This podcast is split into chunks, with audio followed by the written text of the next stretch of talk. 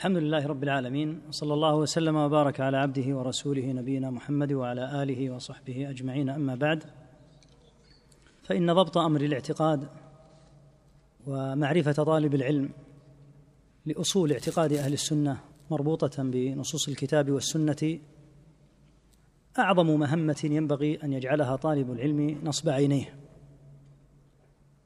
فإن أجل أمور الدين على الإطلاق هو الاعتقاد.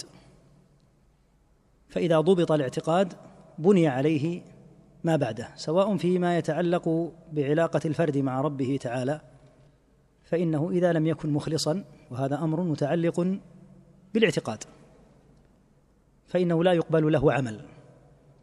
أو كان فيما يتعلق بتأسيس الدولة في الإسلام فإن الأس الأكبر والقاعدة والركيزة العظمى هي في أمر الاعتقاد.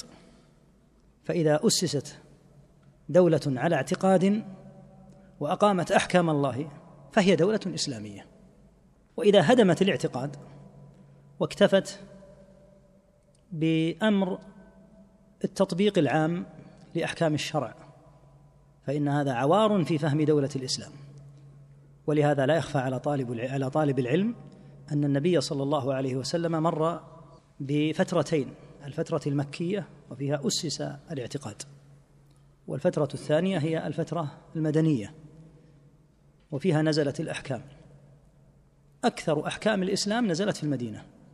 فلم يكن ثمة صوم واجب يتعلق برمضان ولا زكاة واجبة ذات الأنصبة ولا حج إلا في المدينة. ولم تفرض الصلاة ذات الصلوات الخمس المعروفة هذه لم تفرض إلا قبل هجرته عليه الصلاة والسلام بثلاث سنين على قول بعض أهل العلم أو بأقل من ذلك حتى في قول آخرين وهذا يعطي طالب العلم سؤالا فما الذي شغل به صلى الله عليه وسلم إذن في مكة؟ لا شك أنه اشتغل الاشتغال الأكبر بالاعتقاد.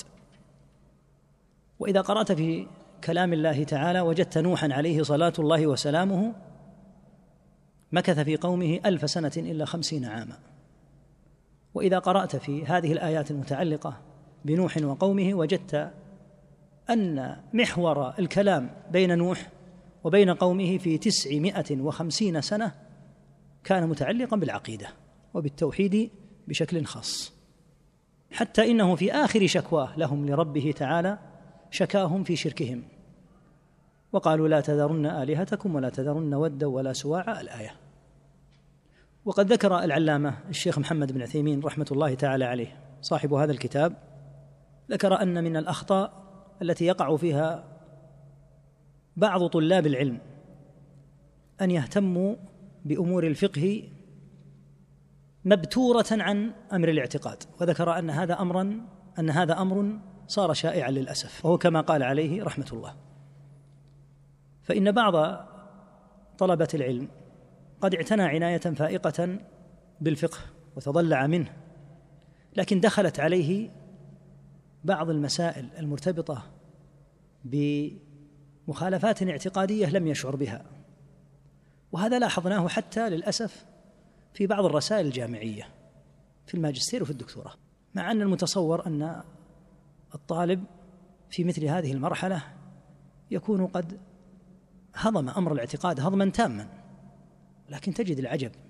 السبب أيها الإخوة أن كتب الفقه كما ينبغي أن يعلم جميع يعلم طالب العلم أن كتب الفقه وكتب شروح الحديث وكتب التفسير كتب فيها أهل السنة والمخالفون على حد سواء.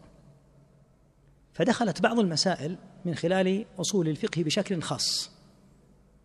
ودخلت تفسيرات الفرق كالأشاعرة بشكل محدد مع غيرهم أيضا كالمعتزلة ونحوهم دخلت في كتب التفسير. وصار من لا يتفطن لهذا المزلق في هذا الكلام من قبل هذا المعتزلي أو الأشعري مثلا تجد أنه ينقله. ولهذا ذكر شيخ الإسلام أن الزمخشري بشكل خاص كان يدخل مسائل الاعتزال ويقول شيخ الإسلام ولا يتفطن لها كثير ممن ينقله عنه. وصدق رحمه الله لأنه كان يدخلها بأسلوب لا يتفطن للمسألة إلا من عرف أصل النزاع فيها بين المعتزلة وبين أهل السنة. فالحاصل أن ضبط أمر الاعتقاد غاية في الأهمية وهو الذي ينبغي أن يكون نصب عين طالب العلم بحيث تكون دراسته للعلم الشرعي دراسة متوازنة يبدأ فيها بالأهم فالمهم. أما أن يضبط جانبا ويهمل جانب الاعتقاد فلا شك أن هذا أمر مغلوط إلى حد بعيد.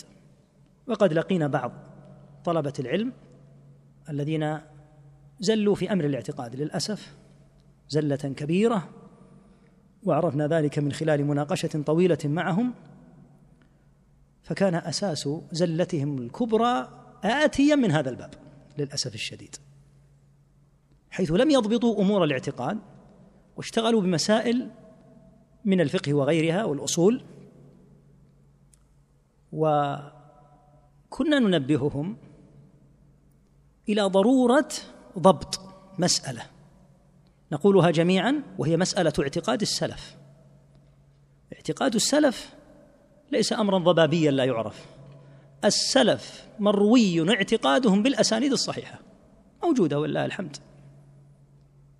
فإذا قرأت فإذا أردت اعتقاد السلف فإنك تجده مرويا بالإسناد في الآجري للشريعة في الشريعة الآجري في شرح أصول اعتقاد أهل السنة للالكائي في مجموعة من الكتب سميت باسم السنة. كالسنة لابن أبي عاصم السنة لعبد الله بن الإمام أحمد وغيرهم. فينقلون أصول الاعتقاد عن السلف رضي الله عنهم. هذا أمر في غاية الأهمية لأن من المعلوم أن السلف كانوا على الحق وأن الزلل والزيغ كان في من سواهم. كما ثبت عن النبي صلى الله عليه وسلم أنه قال خير الناس قرني ثم الذين يلونهم ثم الذين يلونهم بعد أن ذكر القرون الثلاثة ذكر أشياء في من بعدهم ثم يفشو الكذب ثم تأتي أقوام يأتي أقوام تسبق شهادة أحدهم يمينه ويمينه شهادته فذكر جملة من ذم المتأخرين إلا من كان على هدي أولئك السلف الصالحين. فإذا ضبط طالب العلم مسائل الاعتقاد وفهمها وليست صعبة بإذن الله وعونه سنمر على أصول الإيمان بحول الله تعالى هذا اليوم. ليس من الصعب أن يفهم المسلم العقيدة. ذكر شيخ الإسلام أن العقيدة لا بد أن تكون واضحة لما؟ قال لأنه يتعبد بها العالم والعامي والذكي والبليد فلا بد أن تكون واضحة ما الصعوبة؟ الصعوبة تأتي دائما في المناقشة بين أهل السنة وبين أهل البدع للرد عليهم أما أساس الاعتقاد فهذا كما قال أنس رضي الله تعالى عنه وأرضاه لما ذكروا أمر الحوض في زمن عبيد الله بن زياد دخل أنس عليهم وقال بعد أن سألوه ما كنت أظن أن أبقى حتى يأتي أناس ينكرون الحوض؟ لقد تركت بالمدينة عجائز لا تدعو إحداهن دعوة إلا سألت ربها أن يوردها حوض محمد صلى الله عليه وسلم. مساله مساله مسائل الاعتقاد تعرفها حتى العجائز. يقول أمر الاعتقاد واضح. ولهذا لما سأل عثمان رضي الله عنه عبيد الله بن عدي بن الخيار لما أتى وكلمه في شأن الوليد قال له يا ابن أخي صحبت رسول الله صلى الله عليه وسلم؟ قال لا ولكن خلص إلي من علمه. ما خلص إلى الجارية في خدرها. يعني حتى الجواري الصغار يعرفن العقيدة. هذا الكتاب اختير لأجل أنه ميسر. ويمر على أركان الإيمان ومربوط كما ترى أيضا وهذا مسلك منهجي مهم مربوط بالنصوص. لا تستطيع أن تأتي للناس وتقول تعالوا اعتقدوا كذا. على أي أساس يعتقدون؟ يعتقدون بالنصوص. سنمر عليه بإذن الله عز وجل هذا اليوم بحول الله تعالى وستكون كما تعلم التعليقات في الجملة موجزة في الجملة إلا بعض المواضع التي قد نحتاج إلى شيء من التفصيل فيها حتى نتمكن من إنهائه بإذن الله. ابدأ يا شيخ بقوله عقيدتنا مباشرة. المقدمة اتركها. بسم الله الرحمن الرحيم. الحمد لله رب العالمين وصلى الله وسلم وبارك على نبينا محمد وعلى آله وصحبه أجمعين. اللهم اغفر لنا ولشيخنا وللحاضرين. قال الإمام محمد بن صالح العثيمين رحمه الله تعالى في كتابه عقيدة أهل السنة والجماعة عقيدتنا عقيدتنا الإيمان بالله وملائكته وكتبه ورسله واليوم الآخر والقدر خيره وشره. هذه كما تعلم هي أركان الإيمان الستة الواردة في حديث جبريل لما سأل النبي عن الإيمان عليه الصلاة والسلام قال أن تؤمن بالله وملائكته وكتبه ورسله واليوم الآخر وتؤمن بالقدر خيره وشره. وردت في أكثر من موطن في القرآن أيضا تارة تذكر الأركان معظمها وتارة يذكر كل ركن على حدة فمن المواضع التي ذكرت فيها أكثر الأركان قوله تعالى ليس البر أن تولوا وجوهكم قبل المشرق والمغرب ولكن البر من آمن بالله واليوم الآخر والملائكة والكتاب والنبيين فهذه خمسة من الأركان. وذكر القدر في مواضع منها قوله تعالى أنا كل شيء خلقناه بقدر. فهذه هي مرتكزات العقيدة. وهي هو معنى لو قيل لك ما معنى العقيدة الإسلامية لقلت معنى العقيدة الإسلامية الإيمان بالله وملائكته وكتبه ورسله واليوم الآخر والقدر. هذا معناها. ثم سيفصلها الآن. يبدأ كما تعلم بأمر الإيمان بالله لأن الإيمان بالله هو رأس وأساس هذه الأركان الست بقية الأركان. نعم. فنؤمن بربوبية الله تعالى أي بأنه الرب الخالق الملك المدبر لجميع الأمور. هذا تعريف الربوبية. الربوبية الياء هنا؟ ياء النسبة نسبة إلى الرب تعالى. الإيمان بالربوبية معناه أن تؤمن بأن الله تعالى هو الرب الخالق الملك المدبر لجميع الأمور. فهو الذي خلق كل شيء سبحانه وتعالى وهو الملك الملك المطلق الذي لا يمكن أن يزول وهو سبحانه وتعالى المتفرد وحده لا شريك له بالتدبير. فهذا معنى توحيد الربوبية الإقرار بأن الله تعالى هو الرب الخالق الملك المدبر. نعم. ونؤمن بألوهية الله تعالى أي بأنه الإله الحق وكل معبود سواه باطل. نعم هذا معنى توحيد الألوهية. الياء هنا أيضا ياء النسبة. توحيد الربوبية السابق النسبة فيه إلى الرب. والتوحيد هنا توحيد الألوهية النسبة فيه إلى الألوهة. الألوهية مأخوذة من اله يأله إلهة بمعنى عبد يعبد عبادة. وعلى هذا فالإله هو المعبود لأن الإله على وزن فعال بمعنى مفعول كالكتاب بمعنى مكتوب. فهذا الوزن فعال يأتي بمعنى المفعول كما هنا يعني أنا نقول هذا كتاب أي مكتوب فهو فعال بمعنى مفعول. وهكذا الإله هنا إله هنا فعال بمعنى مفعول أي مألوه. وإذا علمت أن الإله مأخوذ من اله يأله إلهة بمعنى عبد يعبد. عبادة عرفت أن الإله معناه المعبود. وعلى هذا يعرف معنى كلمة التوحيد. لا إله إلا الله.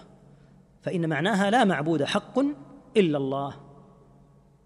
قولنا لا إله إلا الله لا هذه هي النافية للجنس. إله اسم لا منصوب وعلامة نصبه الفتحة. أين خبرها؟ خبرها محذوف مقدر يقدر بكلمة حق لا إله حق إلا الله. ما الدليل على أن لا إله إلا الله معناها لا معبود حق إلا الله؟ الدليل في القرآن في موطنين من القرآن في سورة الحج وفي سورة لقمان. الأول في قوله تعالى في سورة الحج ذلك بأن الله هو الحق وأن ما يدعون من دونه هو الباطل. والثاني في لقمان في قوله تعالى ذلك بأن الله هو الحق وأن ما يدعون من دونه الباطل. هذا الدليل على أن المحذوف المقدر في قولنا لا إله لا إله إلا الله أن المحذوف المقدر هو حق. لا إله حق أي لا معبود حق إلا الله. أما معنى كلمة التوحيد فهذا كثير في القرآن جدا. مثل قوله تعالى فمن يكفر بالطاغوت ويؤمن بالله فقد استمسك بالعروة الوثقى. العروة الوثقى هي لا إله إلا الله مبنية على شيئين النفي والإثبات. فمن يكفر بالطاغوت هذا قولنا لا إله. ويؤمن بالله هذا هو قولنا إلا الله. وهكذا قول إبراهيم عليه الصلاة والسلام لقومه إنني براء مما تعبدون إلا الذي فطرني. براء مما تعبدون هذا هو النفي في قولنا لا إله. إلا الذي فطرني هذا هو الإثبات في قولنا إلا الله.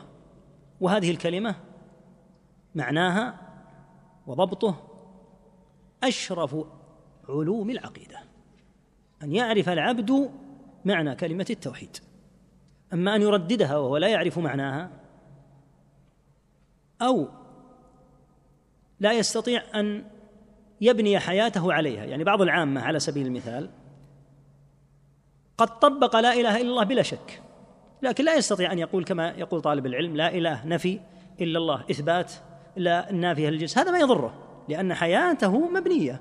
على تطبيق لا إله إلا الله. فلو قلت له هل يذبح لغير الله؟ يقول لا والعياذ بالله ما يصلح أن يذبح إلا لله. لماذا؟ يقول لأنه ما يعبد إلا الله. هذا طبق لا إله إلا الله لكن لا يستطيع أن يفصح فهذا يكفي.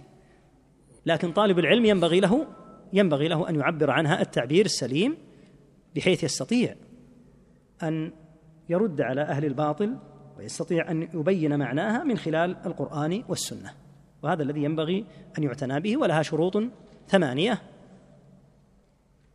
جمعها الناظم رحمه الله تعالى في قوله في جمع سبعة منها في قوله علم يقين وإخلاص وصدقك مع محبة وانقياد والقبول لها. والقبول لها. هذه سبعة شروط.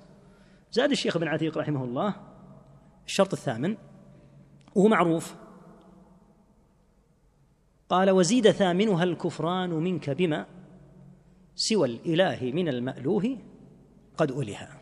اذا شروط لا إله إلا الله ثمانية مجموعة في هذين البيتين. علم يقين وإخلاص وصدقك مع محبة وانقياد والقبول لها هذه سبعة. وزيد ثامنها الكفران منك بما سوى الإله من المألوه قد ألها. يعني من المعبودات قد عبدت تتبرأ إلى الله منها وهو الكفر بالطاغوت. ولها كلام كثير اعتنى بها يعني أئمة الإسلام كثيرا جدا. تجد هذه الشروط في فتح المجيد تجدها في كتاب الشيخ عايض حكمي رحمه الله تعالى معارج القبول ونحوها من الكتب. تفصيلها وأدلتها. نعم. ونؤمن بأسمائه وصفاته أي بأن له الأسماء الحسنى والصفات الكاملة أي العليا. أي بأنه ولا عندك بأنه أو بأن؟ بأن له. بأن. إذا قلت يا أخي تتنبه إلى هذه مسألة في اللغة كثيرا ما يعني تقرأ على غير الوجه السليم. إذا جاء بعد إن أو بعد كان جار ومجرور فالذي بعد الجار والمجرور هو اسم إن أو اسم كان مؤخر. يعني لو قال بأن الأسماء الحسنى والصفات له لكان الأسماء لكانت كلمة الأسماء هي اسم إن اسم أن. لكن إذا وجد جار ومجرور أو ظرف أو نحوه تأخر الاسم. فيكون اسم أن هو قولك الأسماء والجار والمجرور متعلق بخبر أن فتقرأ هكذا بأن له الأسماء. الأسماء اسم أن مؤخر والجار والمجرور في قولك له هذا خبرها متعلق بخبرها مقدم. نعم ونؤمن. ونؤمن بأسمائه وصفاته أي بأن له الأسماء الحسنى والصفات الكاملة العليا. والصفات والصفات الكاملة العليا. أيضا تلاحظ هذا في اللغة كثير جدا. والصفات الكاملة. لما؟ لأن الصفات هذه معطوفة على اسم أن. كسرت لأنها ملحقة بالمثنى. الملحق بالمثنى علامة نصبه الكسرة نيابة عن الفتحة. الكاملة هذه صفة للصفات فتبقى على نصبها المعتاد. فنقول بأن له الأسماء الحسنى والصفات الكاملة. والصفات يعني هكذا بالكسر نيابة عن الفتحة لأنه ملحق بالمثنى. الكاملة لأن الكاملة ليست ملحقة بالمثنى بأن له الأسماء الحسنى والصفات الكاملة العليا. هذا ما يتعلق بتوحيد الأسماء والصفات. وهنا قيد مهم. أسماء الله تبارك وتعالى لما ذكرها ذكر أنها حسنى كما بينها الرب تعالى. ولله الأسماء الحسنى. حسنى اسم تفضيل. مثل الأحسن. في المذكر يقال الأحسن وفي المؤنث والملحق بالمؤنث يقال الحسنى. والصفات الكاملة العليا. فصفات الله تعالى أيضا ليست أي صفات بل هي صفات كاملة عليا. عبر عنها أيضا بالتعبير الدال على التفضيل. يعني لم يقل بأن لله الأسماء الحسنة بل قال الحسنى هذا اسم تفضيل. والصفات الكاملة ما قال العالية بل قال العليا. وهذا المذكور في كتاب الله. قال تعالى ولله الأسماء الحسنى فادعوه بها. أما الصفات فذكرها الله تعالى في قوله ولله المثل الأعلى. لاحظ أيضا اسم التفضيل. اسم التفضيل لاحظه في الأسماء ولاحظه في الصفات. لأن أسماء الله تعالى وصفاته لا يمكن أن تكون مماثلة في كيفيتها لأسماء وصفات المخلوقين فيسمى الله عز وجل باسم ويسمى المخلوق باسم. لكن اسم الله عز وجل هو الأحسن ووصف الله تعالى هو الأكمل والأعلى. ولله الأسماء الحسنى فادعوه بها وذروا الذين يلحدون في أسمائه. فتضبط هذه المسألة بربطها بالآية. إذا قلنا لله الأسماء الحسنى قال تعالى ولله الأسماء الحسنى هذا الدليل. والصفات الكاملة العليا لقوله تعالى ولله المثل ما المراد بالمثل هنا؟ المراد الوصف. ولله المثل أي الوصف الأعلى. ولهذا قال تعالى فلا تضربوا لله الأمثال لا يمكن أن يمثل الله عز وجل بشيء من خلقه. نعم. ونؤمن بوحدانيته في ذلك أي بأنه لا شريك له في ربوبيته ولا في ألوهيته ولا في أسمائه وصفاته. قال تعالى رب السماوات والأرض وما بينهما فاعبده واصطبر لعبادته هل تعلم له سميا؟ نعم. هذا الآن هو الذي يبين لك معنى التوحيد. التوحيد معناه إفراد الله بما يختص به. هذا معنى التوحيد عموما. إفراد الله بما يختص به. ما الذي يختص الله به دون غيره؟ هذه الأشياء الثلاثة. الربوبية فهي له وحده دون شريك. والألوهية أي العبادة أن لا يعبد إلا هو سبحانه وتعالى. والأسماء والصفات على الحد الذي بينا. الأسماء الحسنى والصفات العلى. فهذه هي التي إذا حققها العبد حقق التوحيد الذي بعث الله به الرسل عليهم الصلاة والسلام. وإن كانت مهمة الرسل الكبرى هي الدعوة إلى توحيد العبادة بشكل خاص. لأن الأمم الذين بعثت إليهم الرسل كانوا يقرون بالربوبية. والأدلة على هذا كثيرة جدا. ولهذا قال تعالى في بيان دعوة نوح وهود وصالح وشعيب قال تعالى لقد أرسلنا نوحا إلى قومه فقال يا قوم اعبدوا الله ما لكم من إله غيره. لاحظ هذه الكلمة.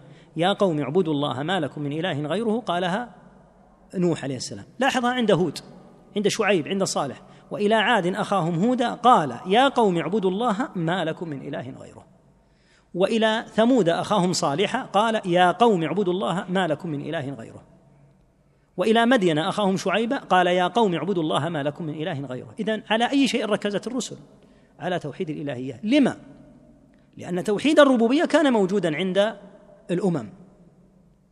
والدليل على هذا كثير جدا في القرآن ومنه عدد من الآيات التي صدرت بقوله تعالى ولئن سألتهم من خلق السماوات والأرض ليقولن الله. ولئن سألتهم من خلق السماوات والأرض ليقولن خلقهن العزيز العليم. ولئن سألتهم من نزل من السماء ماء فأحيا به الأرض من بعد موتها ليقولن الله. قل من يرزقكم من السماء والأرض؟ امن يملك السمع والأبصار؟ ومن يخرج الحي من الميت؟ ويخرج الميت من الحي؟ ومن يدبر الأمر كله؟ فسيقولون الله. اذا هذه الأمم كانت مقرة مقرة بالرب. فإن قلت فإن فرعون لم يكن مقرا بالرب. فالجواب في القرآن نفسه. فرعون لم يكن مقرا بالرب في الظاهر فقط. أما في الباطن فلا شك أن عدو الله يعلم أنه كاذب. والدليل على هذا قول موسى له في المحاورة التي بينه وبينه لقد علمت يعني في قرارة نفسك ما أنزل هؤلاء إلا رب السماوات والأرض. يقول لشخص يقول وما رب العالمين؟ ما علمت لكم من إله غيري؟ يقول موسى عليه السلام أنت تعلم في قرارة نفسك. ولهذا قال تعالى في الآيات مبينا سبحانه وتعالى حقيقة موقف قوم فرعون منها وجحدوا بها يعني في الظاهر واستيقنتها يقين واستيقنتها أنفسهم. فكل مدع للربوبية فهو كاذب إذ يأكل ويشرب ويمرض فكيف يدعي أنه يصرف السماوات والأرض؟ ولهذا لما ذكر الله تعالى ما سلط على قوم فرعون سلط عليهم تعالى الآيات. الجراد والقمل والضفادع والدم كل مرة يأتون موسى يا موسى ادع لنا ربك بما عهد عندك. لئن كشفت عنا الرجس لنؤمنن لك ولنرسلن معك بني إسرائيل. فتكشف الآية. ثم يعود أعداء الله إلى هذا مرة أخرى. ثم يطلبون من موسى نفس الطلب. فسلط عليهم الطوفان. ثم رفع بطلبهم من موسى. الجراد القمل الضفادع وهذا يدل على أنهم كذبة. لا على أنهم يعتقدون أن فرعون الذي يقوم من عندهم من عندهم ليأكل ويشرب ويتخلى ويقضي حاجته هذا رب. يعلم هؤلاء أنه يستحيل أن يكون هذا وأمثاله ربا يصرف السماوات والأرض. ولهذا لاحظ في جميل ما استنبط ابن كثير رحمه الله تعالى من قول الله عز وجل عن عيسى وأمه وهذا من أدب القرآن الرفيع البالغ. قال تعالى مبينا عدم استحقاقهما للعبادة. يقول تعالى كانا يأكلان الطعام أي يليق أن يأكل الطعام؟ رب لا يليق. يقول ابن كثير في استنباط دقيق جدا يقول ومن أكل الطعام احتاج إلى إخراجه ايليق بالرب تبارك وتعالى أن يقع هذا منه؟ كل مدعو مدعي الربوبية يأكلون ويشربون ويمرضون وينامون ويحتاجون إلى الإخراج والتبول والغائط. أيليق أن يكون هذا في رب؟ ولهذا قال تعالى وهو يطعم رب العالمين سبحانه وهو يطعم ولا يطعم. في بعض القراءات ولا يطعم. سبحانه بحمده فالرب لا يأكل ولا يشرب لأنه الأكل والشرب حاجة. والله تعالى مستغني عنها سبحانه وتعالى. فالحاصل أن من الأمور المؤكدة المقطوع بها قطعا في كتاب الله وفي سنة نبيه صلى الله عليه وسلم. وعليه مسلك السلف أن الكفار يقرون لله بالربوبية وإلا فيا لله العجب. أيأتي نوح وهود وصالح وشعيب وسائر الأنبياء بالمناسبة لما ذكرنا الآيات السابقة في هود وصالح وشعيب ونوح عليهم الصلاة والسلام ليس معنى ذلك أن هؤلاء الأربعة فقط هم الذين قالوا هذا. لكن لأن الكلمة تكررت. أما جميع المرسلين فبين تعالى حقيقة قولهم كنوح وهود وصالح وشعيب وغيرهم أنها مسألة واحدة. قال تعالى لقد أرسلنا وما أرسلنا من قبلك من رسول إلا نوحي إليه أنه لا إله إلا أنا فاعبدون. جميع الرسل يدعون إلى لا إله إلا الله. ولقد بعثنا في كل أمة رسولا أن يعبدوا الله واجتنبوا الطاغوت. فهذه ليست دعوة نوح فقط بل دعوة جميع الأنبياء عليهم الصلاة والسلام. فالأنبياء في أمر العقيدة سواء ما يأتي نوح ليقرر عقيدة ويأتي محمد صلى الله عليه وسلم لينسخها. هذا أمر محال. العقيدة واحدة. إنما الذي يتفاوت يختلف الأحكام. فيحل في هذه الشريعة ما يحرم في أخرى أو العكس. أما العقيدة فواحدة. عقيدة محمد وإبراهيم ونوح وهود وصالح وشعيب واحدة. ولهذا قال عليه الصلاة والسلام الأنبياء إخوة لعلات. دينهم واحد يعني العقيدة. وأمهاتهم شتى. الشرائع كثيرة. فيحل شيء ويحرم شيء. لكن الدين الاعتقاد واحد. يستحيل أن يأتي نوح ليثبت الله صفة ويأتي محمد لينفيها عليهم صلاة الله وسلامه. هذا محال. ولهذا قال ابن القيم رحمه الله تعالى فالدين في التوحيد دين واحد لم يختلف منهم عليه اثنان. فمن المحال بأن يكون لرسله في وصفه خبران مختلفان. يستحيل أن نوح يصف الله بوصف يأتي محمد لينقضه. أمر العقيدة واحد. فجميع الأنبياء صلى الله عليه وسلم على هذا. ولهذا طبق عليه الصلاة والسلام في دعوته البدء بتوحيد العبادة. وهو الذي ينبغي على الدعاة إلى الله أن يعتنوا بغاية العناية لأن هذه طريقة الرسل. قال تعالى قل هذه سبيلي أدعو إلى الله على بصيرة أنا ومن اتبعني. فالمتبع للرسول صلى الله عليه وسلم ينهج نهجه في الدعوة إلى التوحيد. ونوح عليه السلام كما قلنا قضيته التوحيد مدة تسعمائة وخمسين سنة. الله أكبر. ثم يهون من شأن التوحيد. قال اتركوا التوحيد. دعوه. يغضب الرافضة يغضب الصوفية اتركونا سبحان الله. على أي شيء على أي أساس نبني؟ ندعو الناس إلى إلى ماذا؟ إذا لم ندعو إلى التوحيد إلى أي شيء ندعوهم؟ التوحيد هو المفصل الكبير وهو طريقة الرسل وهو الذي دعا إليه النبي صلى الله عليه وسلم ولهذا في حديث عمرو بن عبسة رضي الله عنه وهو من الذين أسلموا قديما جدا حتى قال رضي الله عنه كنت ربع الإسلام. يعني ما كان هناك مسلم قبلي إلا ثلاثة أنا الرابع. لما أتى كما في مسلم إلى النبي صلى الله عليه وسلم قال بما, بما بعثك الله؟ قال بصلة الأرحام وهدم الأوثان. بدايات مباشرة بإزالة الشرك وهذا الذي فعله رسول الله صلى الله عليه وسلم. ولهذا الرسل صلى الله عليه وسلم لا يمكن أن يأتوا إلى أناس جاحدين مثل نوح وهود وصالح جاحدين لوجود الله ثم يقولون أفردوا هذا الذي تجحدون بالعبادة. يقولون نحن أصلا من قال إننا نقر به؟ لكن لأنهم مقرون بالله ويصرفون العبادة لغيره كما قال تعالى عن أهل الشرك ما نعبدهم إلا ليقربونا إلى الله زلفى. فهذه المعبودات يزعمون أنها تقربهم إلى الله فهم مقرون بالله بلا شك. لكنهم يريدون بزعمهم الكاسد الفاسد أن تقربهم هذه المعبودات. ولهذا لاحظ قوم صالح. لما أرادوا قتل صالح بما أقسموا؟ أقسموا بالله. قالوا تقاسموا بالله لنبيتنه وأهله. أقسموا بالله لأنهم مقرون بالله تبارك وتعالى. فالحاصل أن الإقرار بالله عز وجل هذا أمر لا يشك ولا يرتاب في أنه هو الموجود في أقوام الرسل.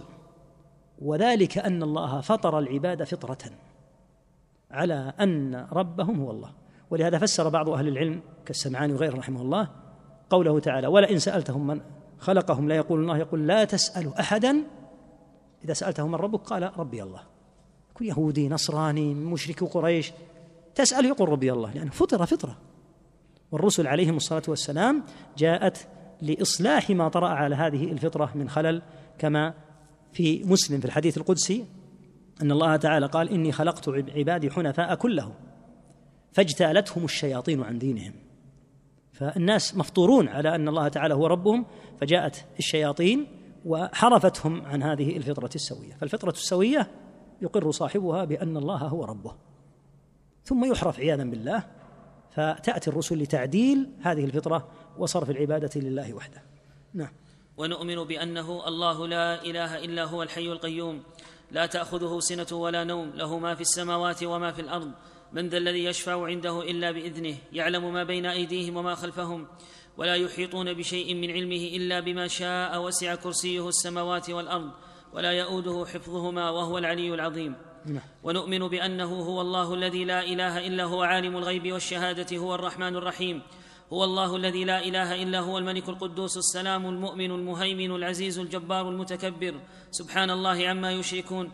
هو الله الخالق البارئ المصور له الأسماء الحسنى يسبح له ما في السماوات والأرض وهو العزيز الحكيم. ذكر رحمه الله تعالى الآية العظيمة آية الكرسي. ولا شك أن من العسير جدا في مثل هذا المقام الذي نحن فيه أن نتحدث عن هذه الآية بتوسع لأن محدودون بوقت كما تعلم لكن هذه الآية هي أعظم آية في كتاب الله أعظم آية في القرآن آية الكرسي. أوردها رحمه الله وأورد الآيات الثلاث من سورة الحشر لأنه تحدث عما يتعلق بالأسماء والصفات. وأيضا في آية الكرسي ما يتعلق بتوحيد العبادة. الله لا إله إلا هو. ثم ذكر اسمين من أسمائه سبحانه الحي القيوم. وختم سبحانه بقوله وهو العلي العظيم. هذان أيضا اسمان من أسمائه. وقد قيل إن الاسم الاعظم في قوله تعالى الحي القيوم. في هذه الآية الله لا إله إلا هو الحي القيوم. وهكذا في قوله تعالى في سورة آل عمران ألف لام ميم الله لا إله إلا هو الحي القيوم. فهذه الآية لها شأن عظيم. وهكذا الأسماء الأخرى التي ذكرت في سورة الحشر هو الله الذي لا إله إلا هو عالم الغيب والشهادة هو الرحمن الرحيم إلى آخر الآيات. كل اسم كل اسم يتضمن صفة. هذه قاعدة. تسمى الله بهذا الاسم لأنه متصف بالصفة. فقوله تعالى فتسمية الله تعالى بالرحمن وبالرحيم لأنه تعالى متصف بالرحمة. فكل اسم يتضمن صفة. لكن هل نشتق من كل صفة اسما؟ لا. حتى يسمي الله به نفسه. لأن الله تعالى قد يوصف بوصف ولا يتسمى به. لكن إذا تسمى باسم فلا ريب أنه تسمى بهذا الاسم لأنه متصف بصفته. وهنا قاعدة مفيدة جدا لطالب العلم في موضوع الأسماء والصفات. يقول أهل العلم باب الصفات أوسع من باب الأسماء. وباب الإخبار أوسع من باب الأوصاف الصفات. باب الأسماء لا يصح أن يطلق على الله عز وجل أي اسم إلا إذا كان قد تسمى به تعالى أو سماه به رسوله صلى الله عليه وسلم. فيقتصر على النص. قولنا باب الصفات. أوسع من باب الأسماء. ماذا يعني؟ أن الله تعالى قد يتصف بصفات مثل كونه تعالى يمكر عز وجل وكونه تبارك وتعالى مما أضافه لنفسه سبحانه الاستواء على العرش كما سيأتي.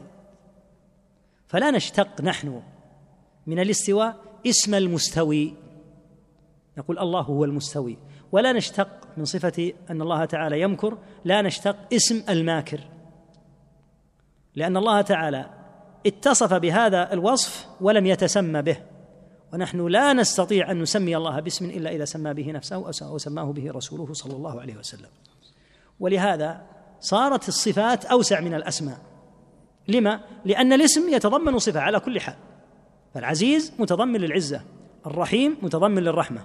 لكن قد يتصف سبحانه وتعالى بصفة ولا يتسمى بها فتكون الصفات أكثر من الأسماء. فنقول إن الله تعالى يوصف بأنه يمكر لكن لا نقول إنه الماكر ولهذا صارت الصفات أوسع. أما الإخبار عن الله عز وجل فهو أيضا أوسع من الصفات. كالإخبار بأن الله تعالى موجود. لا شك أن الله تعالى موجود. ويستحيل أن يتسمى بهذه الأسماء والصفات إلا لأنه موجود سبحانه بحمده وهكذا الإخبار عن الله عز وجل بجملة من الأمور. ذكر بعض أهل العلم أن منها الصانع. بعض أهل العلم يسمي الله الصانع لقوله في الحديث صلى الله عليه وسلم إن الله صانع كل صانع وصنعته. الذين قالوا الحديث صحيح قالوا يسمى الصانع سبحانه وتعالى لأن الحديث نص عليه. من أهل العلم يقول من يقول الحديث لا يثبت. وإذا عبر عن الله بأنه الصانع فإنه يعبر عنه بأنه الصانع من باب ماذا؟ من باب الإخبار لا من باب التسمية لأنه لا يمكن أن تسميه إلا بما ثبت سبحانه وتعالى. فما ثبت تسمي الله به وما لم يثبت قالوا كالصانع ونحوه قالوا يمكن أن يخبر عن الله تعالى به لكن هل يوصف الله بالصنع؟ نص القرآن. صنع الله الذي أتقن كل شيء الصنع يوصف الله به لا إشكال. لكن الكلام على اسم الصانع الذين قالوا إن الحديث صحيح قالوا يسمى الله بالصانع لأن الحديث يقول إن الله صانع كل صانع وصنعته. الذين قالوا الحديث لا يثبت قالوا لا يسمى الله بالصانع لكن قد يخبر عنه بأنه صانع سبحانه وتعالى دون أن يكون اسما من أسمائه. فلا تقول سأسمي ابني بعبد الصانع. يقول لأنها لم يثبت لكن تسمي ابنك بعبد الخالق لأنه اسم منصوص. فالحاصل أن هذه قاعدة مفيدة لطالب العلم ويعرف طالب العلم أيضا أن كل اسم يتضمن صفة ولا بد. لا يمكن أن نقول إن الله تعالى سميع ثم ننفي السمع لأنه تسمى سبحانه بهذا الاسم لأنه اتصف بالصفة. ولهذا كان من أسفه وأخبل العقائد عقائد المعتزلة في هذا الباب. قالوا نسمي الله باسم ونبتر الصفة. فنقول عليم بلا علم سميع بلا سمع.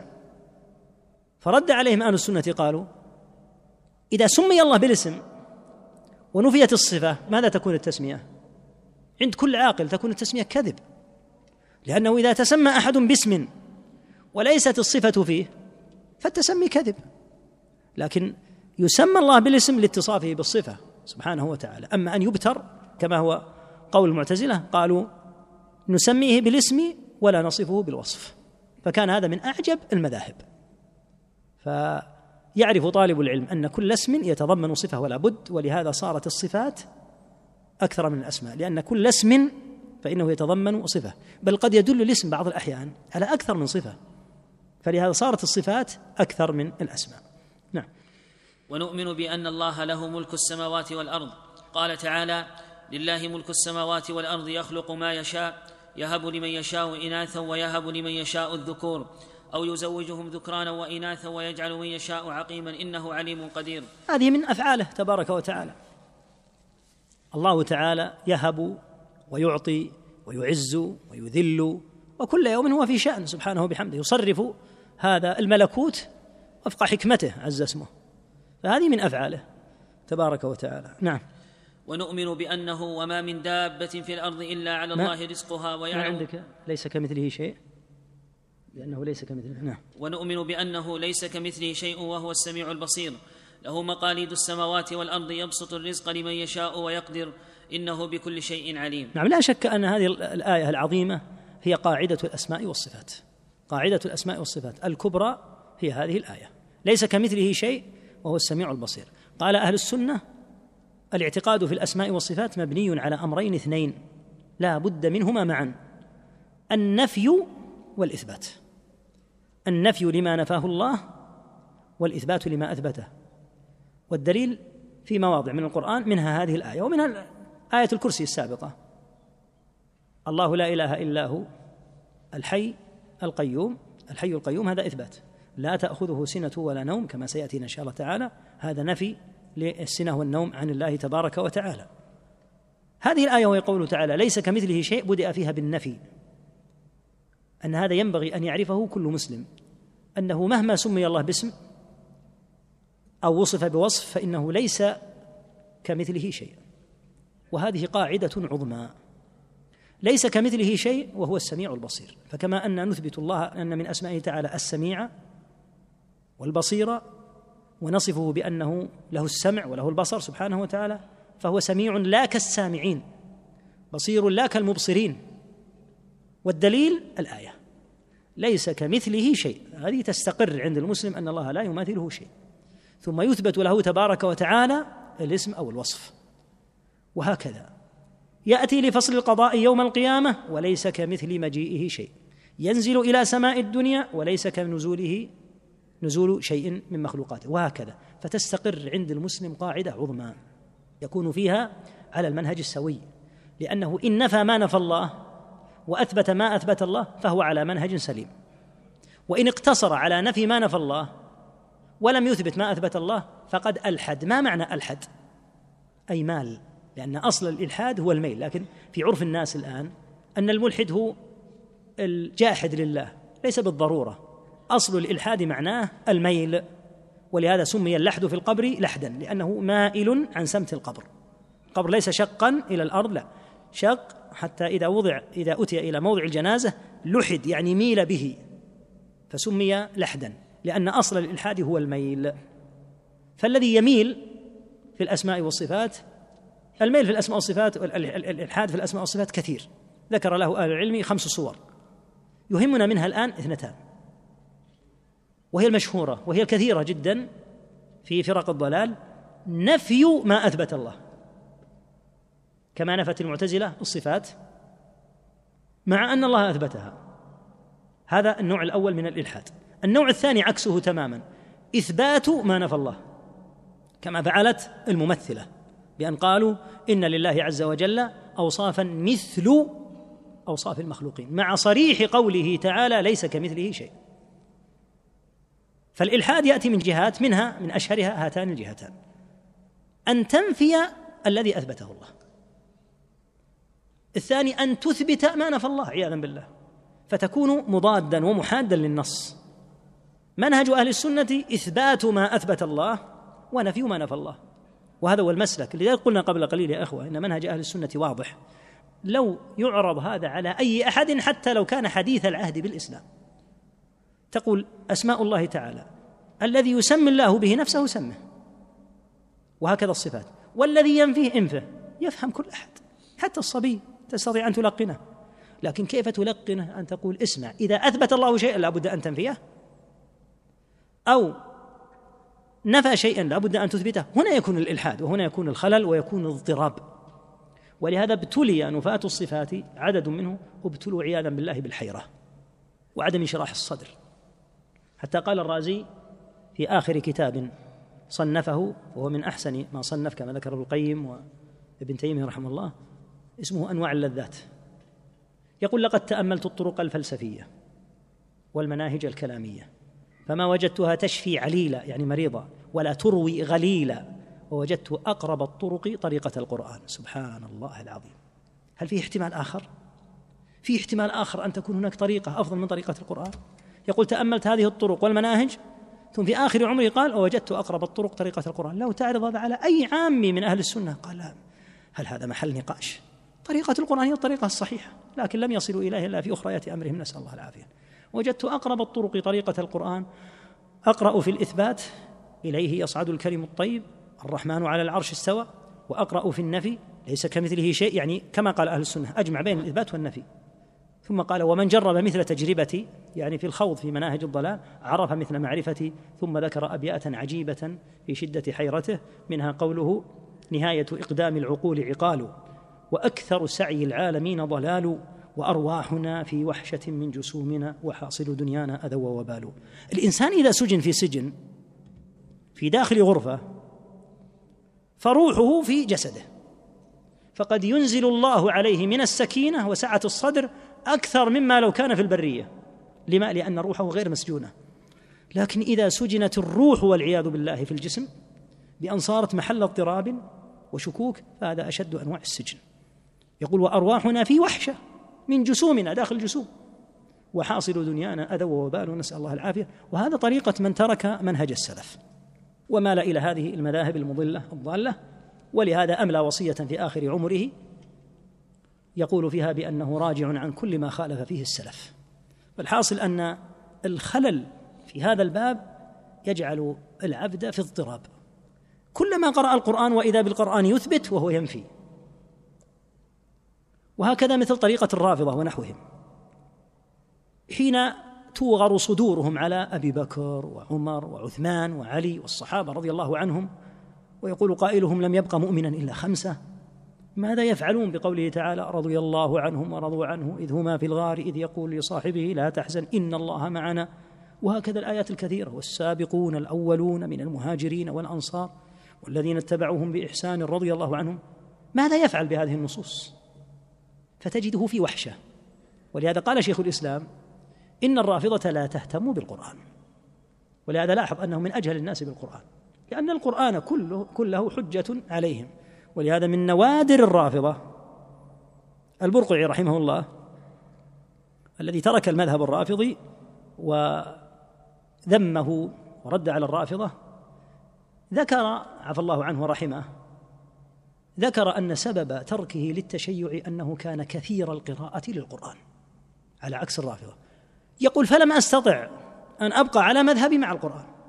القرآن ما يمكن أن أبقى على مذهب التشيع مع القرآن. شتم وسب ولعن ثم يقرأ في قوله تعالى النبي أولى بالمؤمنين من أنفسهم وأزواجه أمهاتهم. من وين أتت الأمومة؟ من قوله أولى بالمؤمنين. إذا أمومة إيمان أمومة دين هذه كافرة. هذه فيها كذا وفيها كذا من أباطيلهم. كيف كيف تأتي امرأة من قريش أم لرجل من الأعاجم؟ ما الأمومة هذه؟ أي أمومة؟ لا رضاعة ولا نسب. أمومة إيمان. فكيف تكون هي الكافرة؟ وتكون كذا وتكون. ما يستطيعون أن يعايشوا القرآن أبدا. ولهذا لاحظ أن أهل الضلال في العموم الأغلب يجهلون عوامهم عن النصوص. فتجد عوامهم من أجهل الناس بالنصوص عوامنا ولله الحمد يحفظ العامي بعض الأحيان القرآن أكثر من طالب العلم. وتجد بعضهم أحسن الله لنا ولهم الخاتمة يختم في كل ثلاثة أيام. وتجده مع القرآن في عيشة رضية. ما نبتر الناس عن القرآن نقول اقرأوا القرآن وتدبروه. أما أهل الضلال فيأتي الرافضي يقول لشيخه المعمم ما تقول في هذه الآية؟ قلت اترك لا تسأل لأنه لا يستطيع أن يعايش القرآن. وهكذا أهل الاعتزال وأهل الضلال. يقول ابن القيم رحمه الله تعالى إن الجهمية والمعتزلة والرافضة تريد أن تجعل القرآن على وفق أهوائهم فيريد الجهمي أن يجعل القرآن جهميا يعني على عقيدته. والمعتزلي يجعل القرآن معتزليا يعني على عقيدته لكن لا يستطيعون. يقول وما كانوا أولياءه إن أولياءه إلا المتقون. ما يكون إلا على وفق أهل السنة لأن الفارق الأكبر بين أهل السنة وبين أهل الأهواء أن أهل السنة يرجعون إلى النص فيبنون العقيدة عليه. أما من سواهم يأتي مشبعا بعقيدة ثم يقرأ القرآن. فالرافض يريد أن يشتم الصحابة منذ صغره يلقن هذا. ثم إذا قرأ الآيات من القرآن وإذا بها عكس تام لعقيدته يريد أن يميل هذه الآيات لتكون على عقيدته فيجد اضطرابا وتشويشا شديدا. لأنه لا يمكن لو أملت آية ثانية ثالثة رابعة خامسة إلى متى؟ وهكذا فيما يتعلق بالصفات. كم في القرآن؟ وهو العزيز الحكيم وهو السميع البصير. كثير جدا. إلى متى وأنت تحرف هذا الاسم والصفة؟ الحاصل أن هذه النصوص تؤخذ من القرآن والسنة وتبنى العقيدة عليها. ومنها هذه الآية العظيمة الكبيرة ليس كمثله شيء فهي قاعدة. فيها نفي ثم إثبات. فأنت تنفي عن صفات الله ما لا يليق مع إثباتك للصفة. فإذا قيل أتقول إن الله سميع ونحن سميعون؟ نقول الله سميع لا كالسامعين لأن الله تعالى قال سميع بصير وقبلها قال سبحانه ليس كمثله شيء. فلا يمكن أن يكون الاشتراك في الاسم والمعنى العام دالا على الاشتراك في الحقيقة. ولهذا لاحظ آية في كتاب الله حين نسب الله تعالى العلم إلى نفسه قال تعالى وعنده مفاتح الغيب كما سيأتينا لا يعلمها إلا هو ويعلم ما في البر والبحر وما تسقط من ورقة. ورق الأشجار هذه أي ورقة تسقط وما تسقط من ورقة إلا يعلمها ولا حبة. في ظلمات الأرض ولا رطب ولا يابس إلا في كتاب مبين. هذا علم الله. هل أثبت الله للإنسان العلم؟ نعم. قال تعالى وما أوتيتم من العلم إلا قليلا. لاحظ الآن الحد الواضح الفاصل. فعلم الله يليق به. ما من شيء إلا وهو يعلمه. قال تعالى وما يعزب عن ربك من مثقال ذرة في السماوات ولا في الأرض ولا أصغر من ذلك ولا أكبر إلا في كتاب مبين. أما علمك أيها العبد قليل محدود وما أوتيت من العلم إلا قليلا. فإذا قلنا نثبت لله العلم لا كعلم المخلوق. نثبت لله عز وجل السمع لا كسمع المخلوق. نثبت لله البصر لا كبصر المخلوق. فيسلم القلب ويقر بجميع الآيات والنصوص ويكون بذلك على هدي ومنهج سليم. نعم. ونؤمن بأنه وما من دابة في الأرض إلا على الله رزقها ويعلم مستقرها ومستودعها كل في كتاب مبين. نعم. ونؤمن بأنه وعنده مفاتح الغيب لا يعلمها إلا هو ويعلم ما في البر والبحر وما تسقط من ورقة إلا يعلمها ولا حبة في ظلمات الأرض ولا رطب ولا يابس إلا في كتاب مبين. نعم. ونؤمن بأن الله إن الله عنده علم الساعة وينزل الغيث ويعلم يعني ما مباشرة. ونؤمن بأن الله يمكن الاقتصار على موضع الشاهد. عنده مفاتيح الغيب.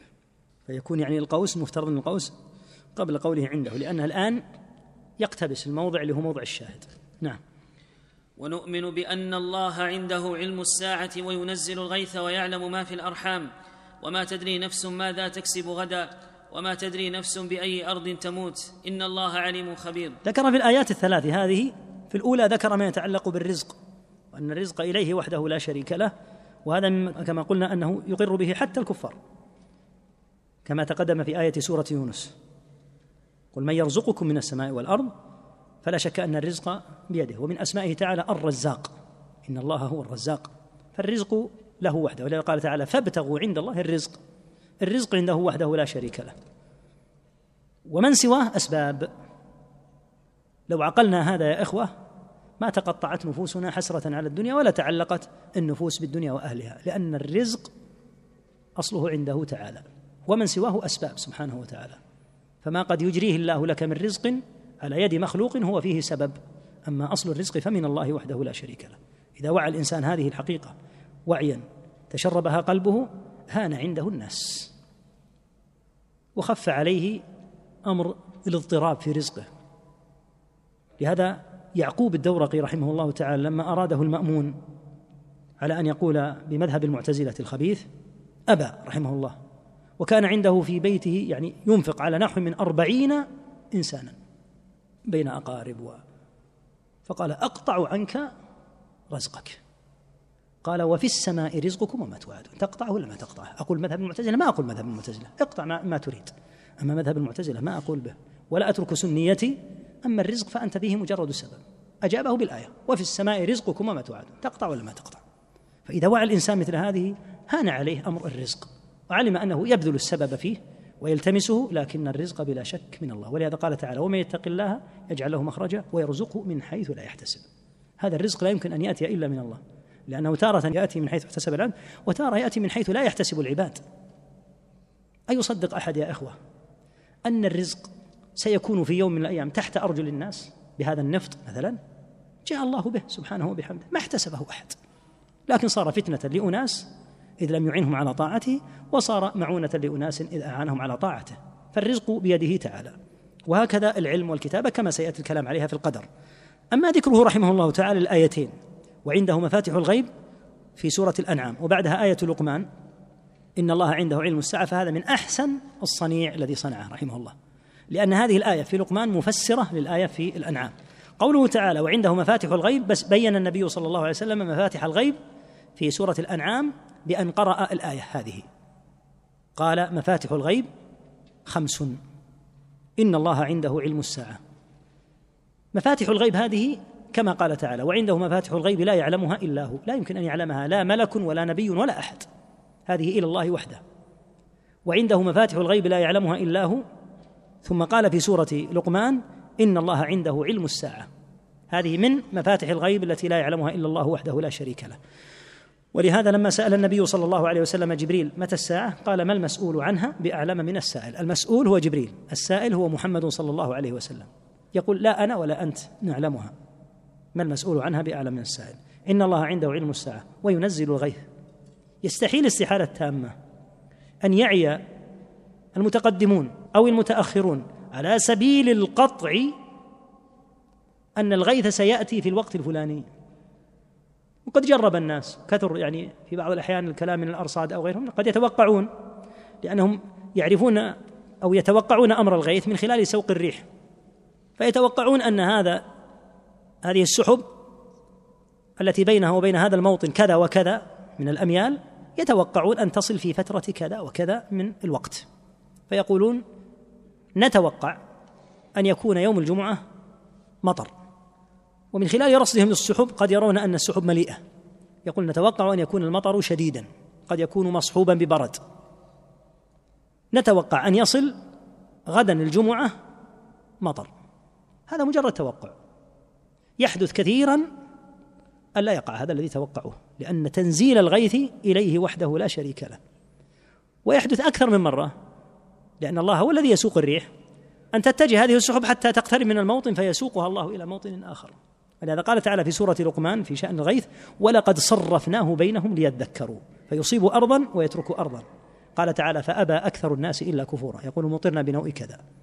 فأمر الغيث إليه وحده لا شريك له. على سبيل القطع يستحيل أن ينزل الغيث أو تنزل منه قطرة واحدة إلا بإذنه تعالى.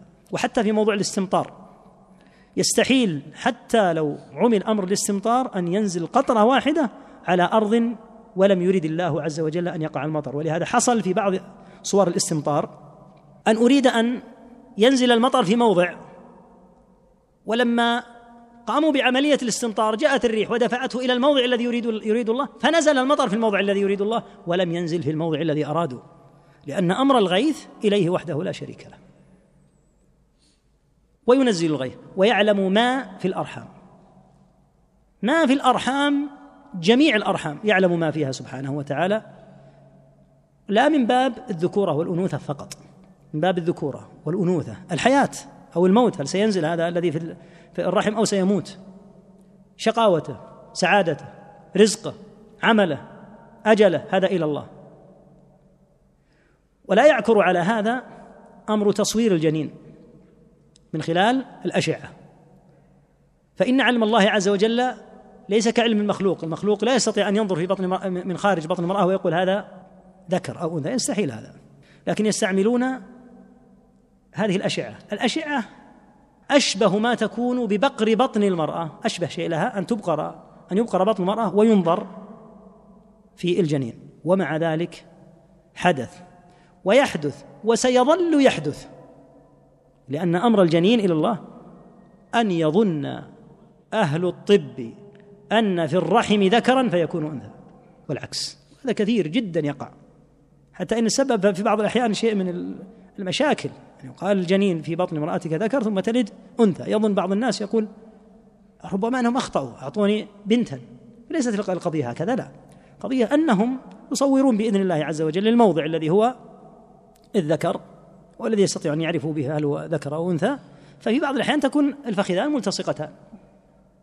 فيظنون أنها أنثى فيقولون أنثى أو يقولون ذكر فعلمهم بأمر الجنين من خلال آلة من جهة ومن خلال أمر تقريبي. لا يمكن أن يجزموا جزما. وأيضا هو مرتبط بالذكورة والأنوثة. ولهذا يتوقعون أن ينزل الجنين مشوها فينزل سليما. ويتوقعون أن ينزل سليما فينزل مشوها. يتوقعون أن يموت. ولهذا بعض الأحيان يقول المرأة لا بد أن يسقط الجنين. فتصر المرأة تقول أنا متكلة على الله عز وجل. أمر الحياة والموت إلى الله. سألد وإلى الله عز وجل الأمر. يتوقعون أن تموت. فتبقى حية وينزل الجنين حيا. اذا كل اذا كل هذه الأمور تقريبية. يتوقعونها توقعا. لأن علم الأجنة إليه وحده لا شريك له. وهكذا تنقلها. تنقل الجنين في أطواره. وما تدري نفس ماذا تكسب غدا. وهذا واضح جدا. لا يدري الإنسان ما الذي سيقع له من الغد. ولهذا أصبح الناس على حال كانوا بالأمس على ضده كما سيأتي في قوله تعالى تؤتي الملك من تشاء وتنزع الملك ممن تشاء. أصبحوا على حال وكانوا بالأمس القريب على حال آخر. تارة يكون الحال ينتقل من سيء إلى حسن وتارة من حسن إلى سيء. وما تدري نفس بأي أرض تموت. ما يدري الإنسان. يولد في بلد ويمكث فيه تسعين سنة. ما خرج منه. ثم تعرض حاجة من الحاجات يذهب ليقضيها في بلد فيموت في ذلك البلد. كما ثبت عنه عليه الصلاة والسلام أنه قال إن الله إذا أراد قبض عبد بأرض جعل له إليها حاجة. فيقول سأذهب لآخذ العمرة مثلا. فيكتب أن يموت في مكة. يقول سأذهب إلى البلد الفلاني لألتمس الرزق. فيكون قد قضي أن يموت هناك. وما تدري نفس بأي أرض تموت. إن الله عليم خبير. نعم. ونؤمن بأن الله يتكلم بما شاء متى شاء كيف شاء. قال تعالى وكلم الله موسى تكليما. وقال سبحانه ولما جاء موسى لميقاتنا وكلمه ربه وقال عز من قائل وناديناه من جانب الطور الأيمن وقربناه نجيا. ذكر رحمه الله تعالى ما يتعلق بالكلام. دقق في العبارة هذه عبارة أهل السنة. أن الله يتكلم اولا بما شاء بالذي يريد. متى شاء؟ في أي وقت؟ كيف شاء؟ صفة كلامه وحقيقة كلامه وكيفيتها إليه وحده لا شريك له. هذا يقرره أهل السنة. متى شاء ربنا أن يتكلم تكلم ومن يمنع الله؟ من يمنعه إذا أراد أن يتكلم من الكلام؟ سبحانه وبحمده. ولهذا تكلم الله تعالى في السابق. ويتكلم مع ملائكته كما في حديث يا جبريل إني أحب فلانا فأحبه فيحبه جبريل ثم ينادي في أهل السماء إن الله يحب فلانا فأحبوه وهكذا من يبغضه الله عياذا بالله إني أبغض فلانا فأبغضه فيبغضه جبريل ثم ينادي في أهل السماء إن الله يبغض فلانا فأبغضوه والذين يحبهم الله ويبغضهم كثير. فيأمر سبحانه جبريل بأن يحب فلانا ويكلم جبريل. هذا الإنسان الآن أو لاحقا إلى الله امره يتكلم متى شاء. كيف شاء؟ كيفية كلامه إليه سبحانه وبحمده. ولهذا الذين نفوا الكلام مع ما في كلامه من المباهته لأن القرآن كلام الله. إذا قيل عياذا بالله إن الله لا يتكلم هذا القرآن يكون كلام من؟ يكون القرآن كلام من؟ إذا لم يقل إن الرب عز وجل يتكلم كما نفت فرق الضلال صفة الكلام. وهذه المسألة مسألة الكلام هي من أعظم المفاصل الكبار بين أهل السنة وخصومهم.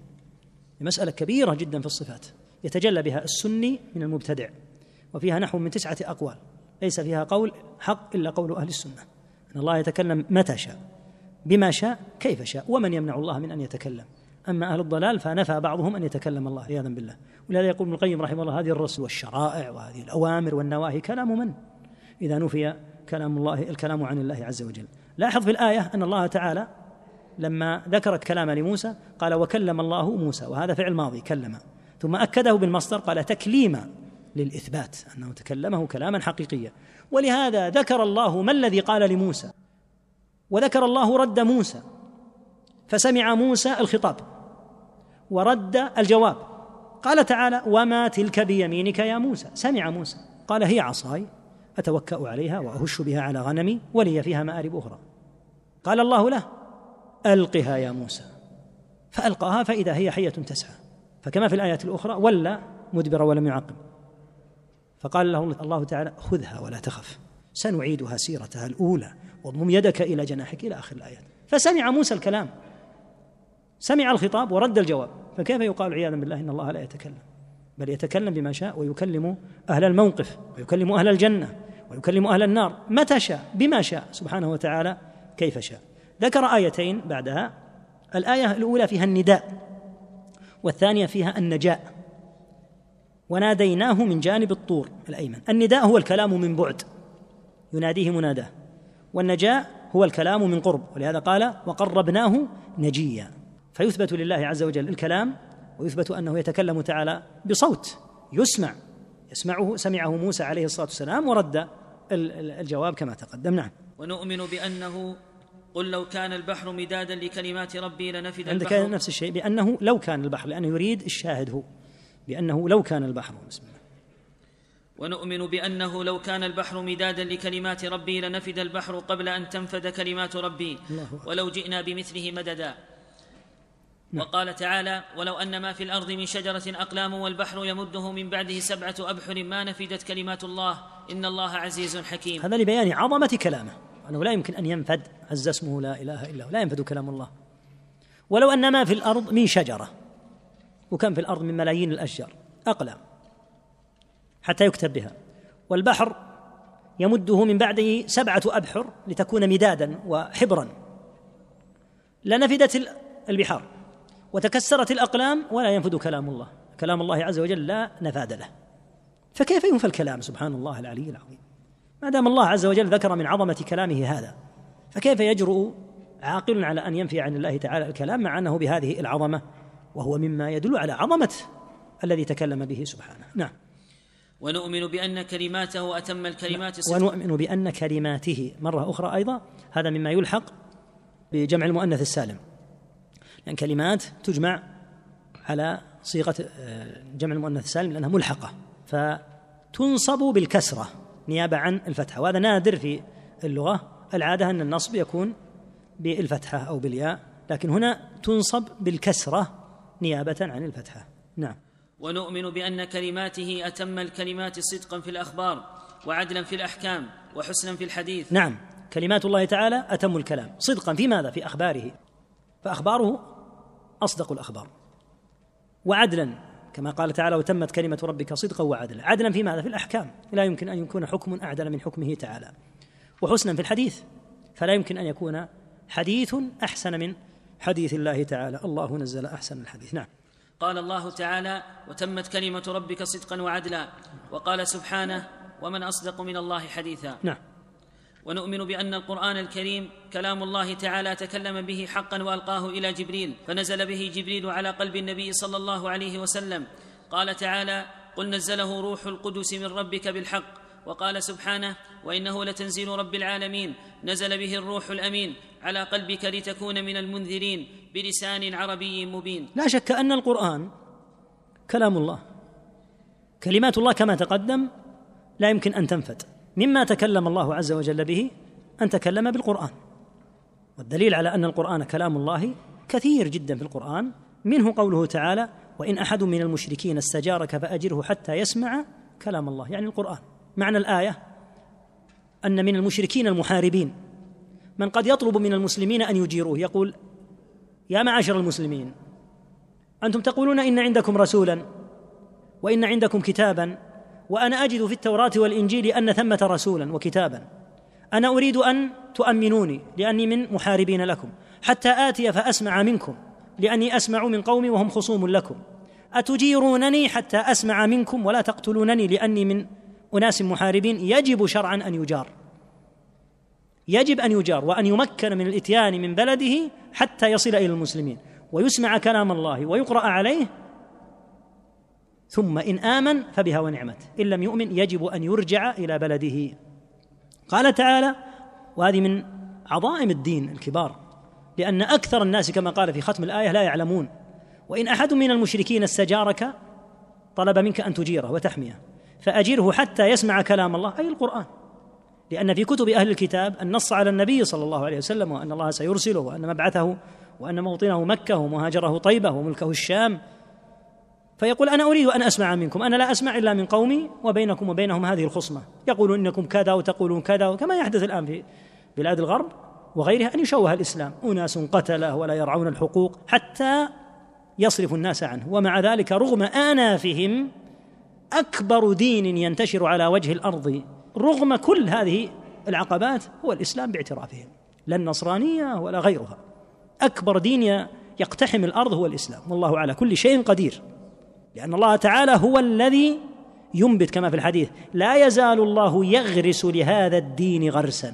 ليست جهود داعية أو جهود دولة. هذا من الله مباشرة سبحانه وتعالى. لا يزال الله يغرس لهذا الدين غرسا يستعملهم في طاعته. جعلنا الله وإياكم منهم. فأمر مدد الإسلام من الله. يعني لا يمكن أن نقول لو كف الدعاء الداعي هذا أو هذا أو تخاذل فلان أو فلان انقطع دين الله. دين الله مربوط بالله مباشرة ليس قائما على فلان أو فلان.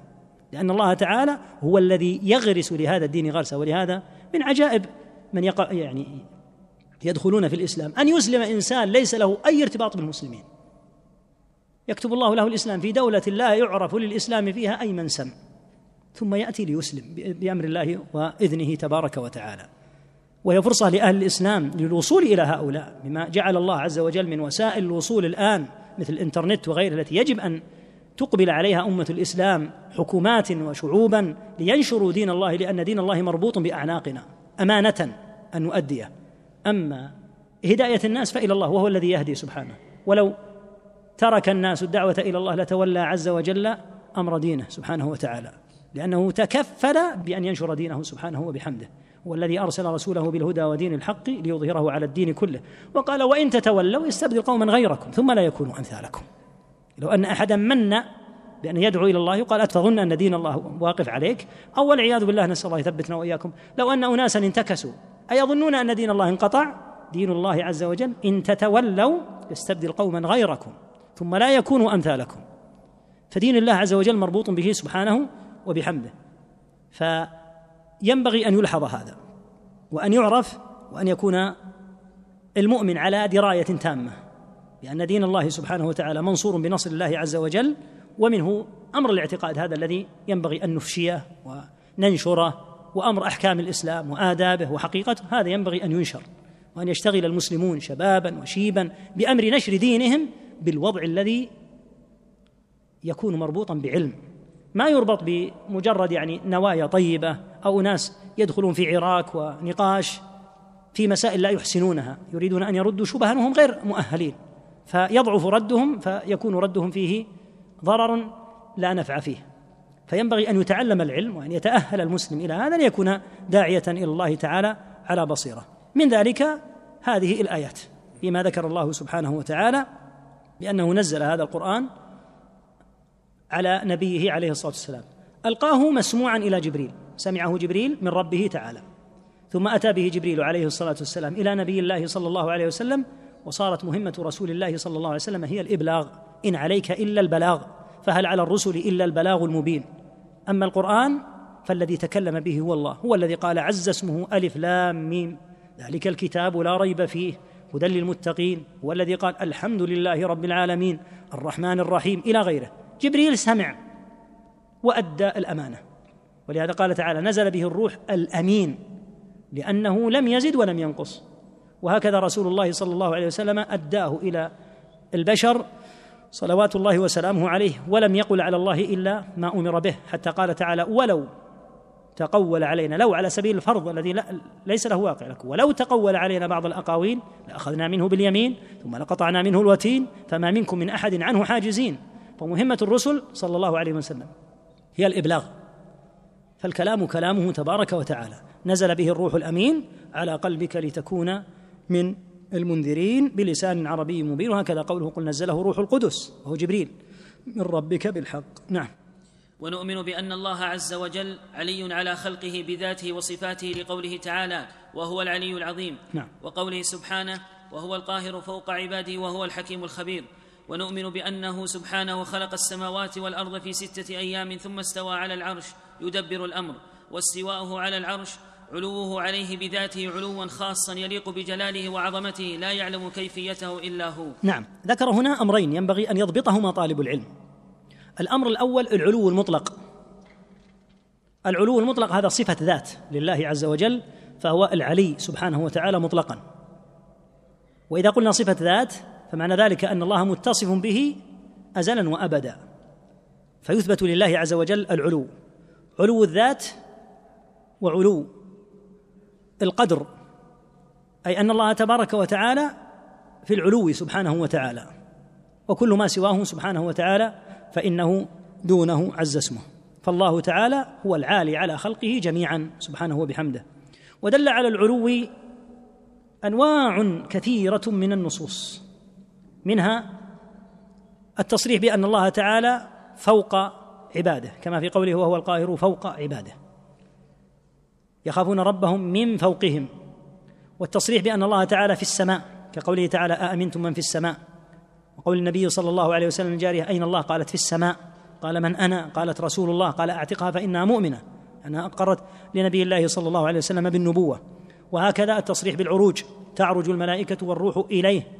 وهكذا حديث المعراج مفصل أن النبي صلى الله عليه وسلم لقي في السماء الأولى آدم لقي في السماء الرابعة هارون لقي في السماء السادسة موسى لقي في السابعة إبراهيم ثم ارتفع به إلى مستوى سمع فيه صريف الأقلام ثم كلمه الله كفاحا. ولما نزل إلى السماء السادسة. صارت السماء السادسة نزول نعم هي نزول بالنسبة إلى علو الله تعالى.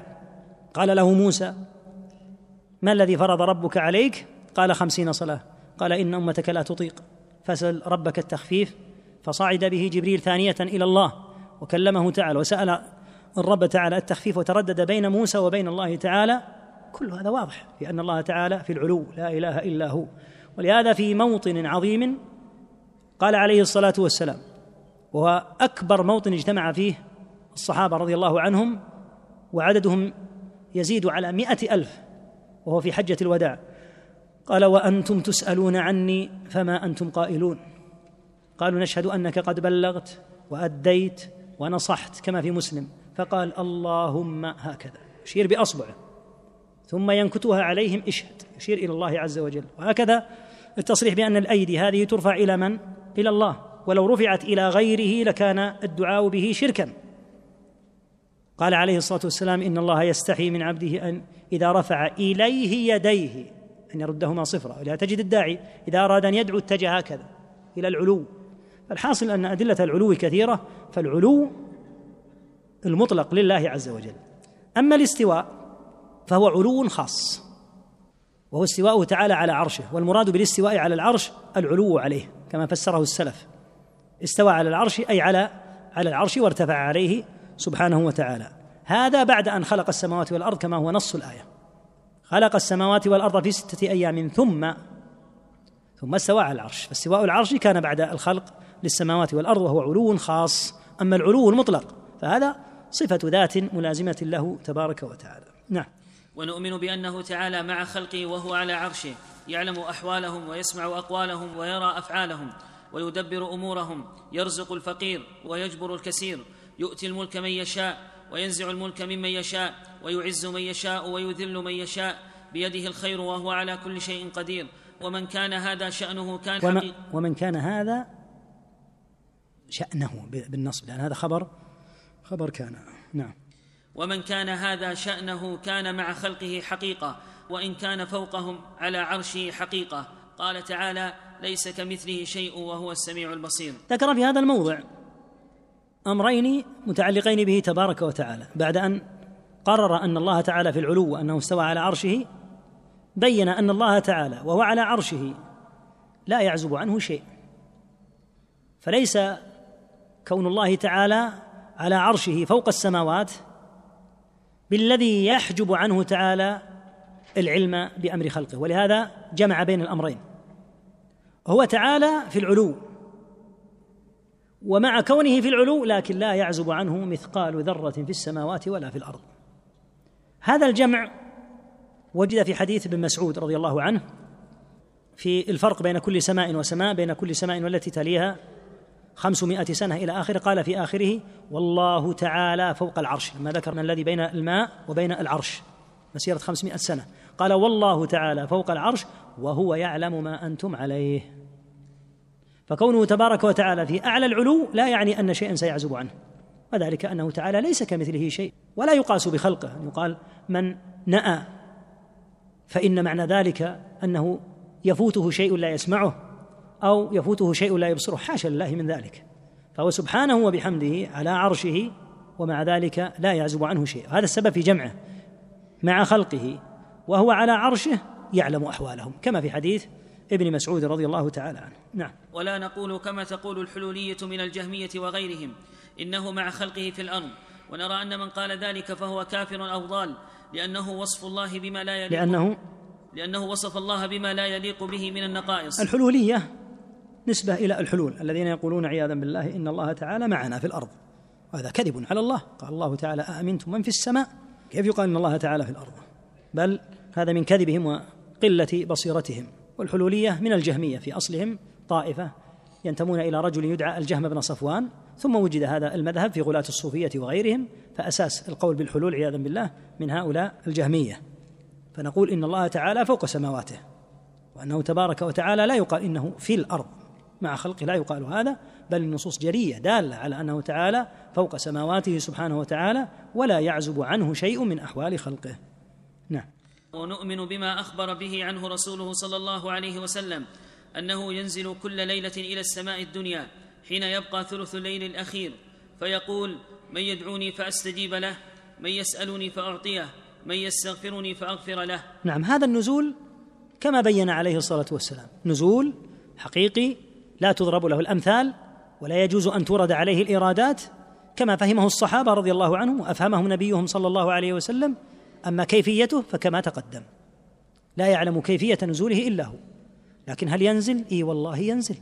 وإلا ما معنى هذه الأحاديث الكثيرة الثابتة الصحيحة عنه عليه الصلاة والسلام بأن الله ينزل إلى سماء الدنيا حين يبقى ثلث الليل الآخر. فيجب إثبات هذا ولا يخاض في كيفيته. ينزل على هيئة كذا أو صفة كذا. لا يحل هذا. لأن نعلم الوصف ونقر به ونفهم معناه. لكن كيفيته لا يمكن أن تعرف. كما قال مالك بن أنس رحمه الله لمن قال له الرحمن على العرش استوى. كيف استوى؟ ما قال ما معنى استوى. وإلا لا أجاب كما أجابه السلف. لأن معنى بأن قوله تعالى الرحمن على العرش استوى معناه على على العرش سبحانه وتعالى وارتفع عليه. قال كيف استوى؟ وهذا من التكلف والتحذلق ولا يمكن أن يحاط بالله حتى تعرف كيفيته. قال الاستواء معلوم أي معناه. تجده في كلام أهل العلم أن الاستواء على العرش معناه العلو على العرش. الاستواء معلوم والكيف مجهول لا يمكن أن يحاط به والإيمان به واجب والسؤال عنه بدعة وكذلك النزول. النزول معلوم أنه إلى سماء الدنيا. أما كيف ينزل فلا يحل الخوض في هذا كما لا يحل الخوض في أي صفة من صفاته بالكيفية. أما بالمعنى فمن المعلوم أن الله تعالى ينزل إلى سماء الدنيا نزولا حقيقيا وهؤلاء الناس أشغلوا الأمة عن اللائق الذي ينبغي. المفترض إذا علمت أن الله ينزل في الثلث الأخير من الليل ويقول هل من داع هل من مستغفر أن تتجه همم الناس إلى الاستفادة من هذا الوقت. لكن أشغل هؤلاء الناس بإيراد الشبه على أمر النزول مع أنه أمر واضح. فالواجب أن يستفاد ويستغل أمر ثلث الليل. ولو في دقائق لا يذهب عنك من ثلث الليل. لو خمس دقائق ترفع يديك إلى الله بأن يصلح قلبك ويعيدك من الفتن ويرحم ضعفك ويتولى أمرك ويصلح لك دينك ودنياك وآخرتك ويعيذك من الفتن. تريد هذه الأمور كلها من الله وأنت نائم. قم لو خمس دقائق لو عشر دقائق وإن استطعت أن تقوم أكثر فهو الذي ينبغي. وهذا الذي يستفاد من مثل هذه الصفات. إذا علمت أن الله تعالى ينزل نزولا حقيقيا وأنه سبحانه وبحمده يقول هل من مستغفر؟ أحرص على الاستغفار. هل من داع أحرص على الدعاء؟ لكن هؤلاء اشغلوا الناس بأن نفوا هذه الصفات وتعطلت الفائدة العظيمة المرجوة من كونه تعالى. إذا كان ينزل ويقول هل من مستغفر هل من داع أن يحرص العبد على أن يرفع حاجته إلى الله سبحانه وتعالى. الله يغضب إن تركت سؤاله وبني آدم حين يسأل يغضب. الناس إذا سألتهم غضبوا. ما أثقل هذا الإنسان وما أكثر طلباته. أما الله تعالى فاسأله وأكثر.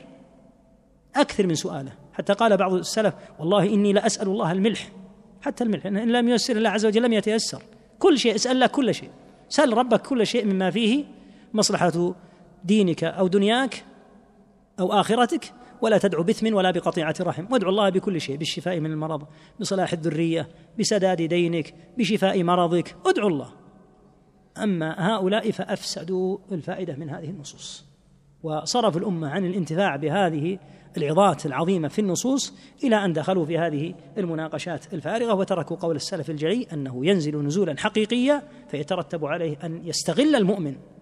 هذا الوقت العظيم بالدعاء والاستغفار ومن كان عنده هذا الحال في سابق ثم تضعضع وتراجع عنه فليتذكر حديث النبي صلى الله عليه وسلم لعبد الله بن عمرو رضي الله عنهما يا عبد الله لا تكن مثل فلان كان يقوم الليل فترك قيام الليل. وعظ النبي صلى الله عليه وسلم عبد الله بن عمرو عن هذا. لا تكن مثله بعض الشباب كان في بداية يعني هدايته كذا حريصا على الخير ثم لما تقدمت به السن قست القلوب فطال عليهم الأمد فقست قلوبهم يقول لا تكن مثل هؤلاء. فينبغي الاستفادة من هذه الأوقات والحرص على الدعاء والنزول حقيقي وإلى سماء الدنيا كما بين النبي صلى الله عليه وسلم. نعم. ونؤمن بأنه سبحانه وتعالى يأتي يوم المعاد للفصل بين العباد لقوله تعالى كلا إذا دكت الأرض دكا دكا وجاء ربك والملك صفا صفا وجيء يومئذ بجهنم يومئذ يتذكر الإنسان وأنى له الذكرى يؤمن أهل السنة بأن الله يأتي يوم القيامة ليفصل بين العباد وإذا أتى سبحانه صعق أهل الموقف كلهم إلا من شاء الله لمجيئه عز وجل. وجاء ربك والملك أي الملائكة صفا صفا. وقال عز وجل هل ينظرون إلا أن يأتيهم الله في ظلل من الغمام والملائكة وقضي الأمر؟ لأنه تعالى يأتي لفصل القضاء. فيأتي سبحانه وتعالى بعد أن يمكث الناس في الموقف ذلك المكث العظيم الهائل في يوم كان مقداره خمسين ألف سنة. ثم بعد الإذن بالشفاعة العظمى يأتي الرب تعالى لفصل القضاء فيفصل سبحانه وتعالى بين عباده. كما قال عليه الصلاة والسلام ما منكم من أحد إلا سيكلمه ربه ليس بينه وبينه ترجمان. فينظر أيمن منه فلا يرى إلا ما قدم وينظر أشأم منه فلا يرى إلا ما قدم وينظر تلقاء وجهه فلا يرى إلا النار فاتقوا النار ولو بشق تمرة. ما منكم من أحد إلا سيكلمه ربه. ولهذا ذكر النبي صلى الله عليه وسلم جملة من الأحاديث في تكليم الله عز وجل لهؤلاء العباد منها أنه يقول تعالى أي فلان ألم أزوجك؟ ألم أجعلك تملك وتربع؟ فيقول بلى يا رب. فيقول فظننت أنك ملاقي. فيقول لا. فيقول فاليوم أنساك كما نسيت كما نسيتني. فلا شك أن الله يأتي وأنه يفصل سبحانه وتعالى بين عباده وهذا مما يقر به أهل السنة أنه يجيء في القيامة مجيئا يليق بجلاله وعظمته سبحانه لا يعلم كيفيته إلا هو عز اسمه كما يليق به وهكذا سائر الصفات كما قلنا في القاعدة. نؤمن بها ونثبتها لله تعالى على ظاهرها ولا نخوض في كيفيتها. والله أعلم وصلى الله وسلم على نبينا واله وصحبه.